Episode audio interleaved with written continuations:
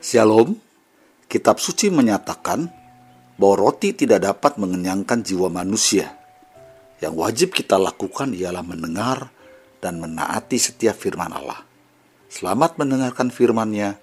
Tuhan Yesus memberkati. Shalom saudaraku, selamat pagi. Renungan pagi ini terambil dari kitab Matius pasal 8 ayat 28 sampai 34. Mari kita baca. Setibanya di seberang yaitu di daerah orang Gadara, datanglah dari pekuburan dua orang yang kerasukan setan menemui Yesus.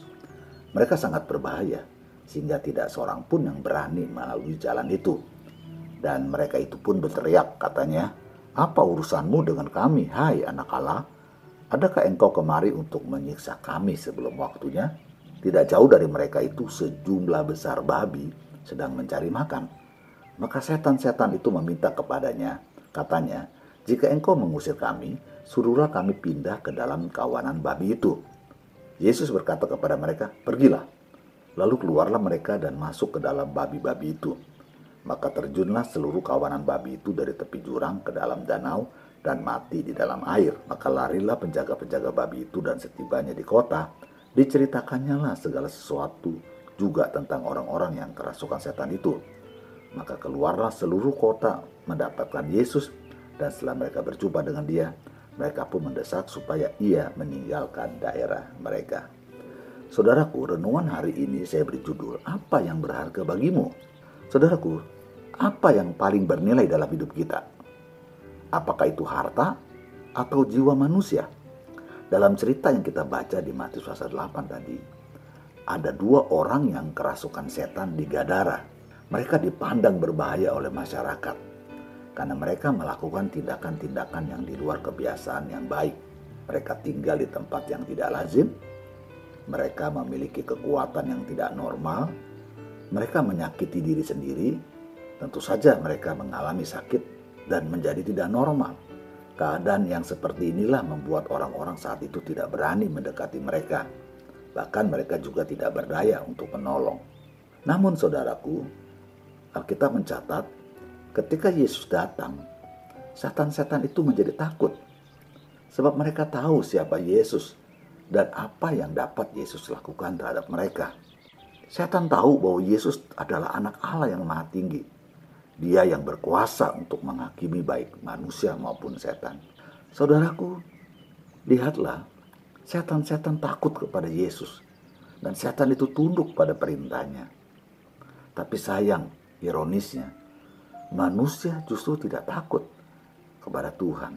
Setan-setan itu diusir oleh Yesus masuk ke dalam kawanan babi yang lalu terjun ke dalam danau sehingga semuanya mati lemas.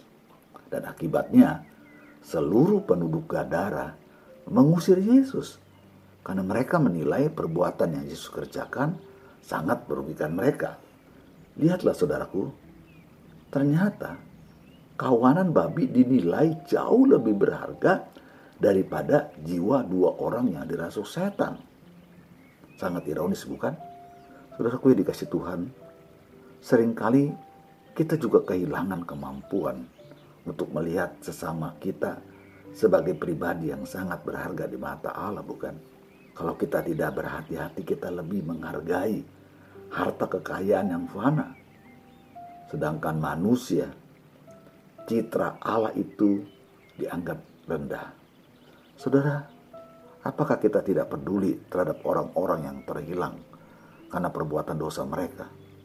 Atau karena perlakuan si jahat seperti dua pemuda ini yang dirasuk setan? Jangan-jangan kita juga tidak peduli jika mereka mati dalam kekekalan. Saudaraku yang dikasih Tuhan, sering kali pandangan manusiawi kita sangat berbeda dari pandangan ilahi Tuhan Yesus. Kita lihat bagi Tuhan jiwa manusia itu sangat berharga. Jiwa manusia itu lebih bernilai daripada harta kekayaan apa pun di dunia ini. Oleh sebab itu, pagi hari ini marilah kita memohon keampunan dari Tuhan. Kalau mungkin acap kali kita tidak peduli terhadap sesama manusia dalam hal ini keselamatan mereka Marilah saudaraku kita menghargai manusia dengan melayani kebutuhan rohani mereka.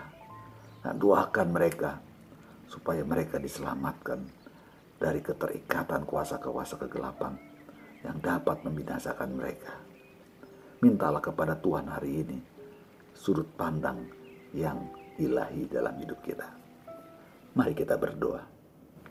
Tuhan Yesus, kami berterima kasih bahwa sesungguhnya kami ini berharga di mata Tuhan. Manusia itu lebih berharga di matamu ya Tuhan. Ajarkan kami pagi hari ini dapat melihat perspektif itu. Supaya kami juga dapat menghargai jiwa-jiwa di sekitar kami. Jiwa-jiwa yang sedang dibelenggu oleh kuasa kegelapan yang akan binasa jika mereka tidak diselamatkan. Tuhan biarlah kami tidak melihat harta jauh lebih penting daripada jiwa manusia di dunia ini. Terima kasih Tuhan, kami bersyukur buat kesempatan pagi ini boleh kembali mendengarkan firman Berkati aktivitas kami sepanjang hari ini. Dalam nama Tuhan Yesus kami berdoa dan mengucap syukur. Haleluya. Amin. Terima kasih saudaraku sudah mendengarkan renungan pagi ini.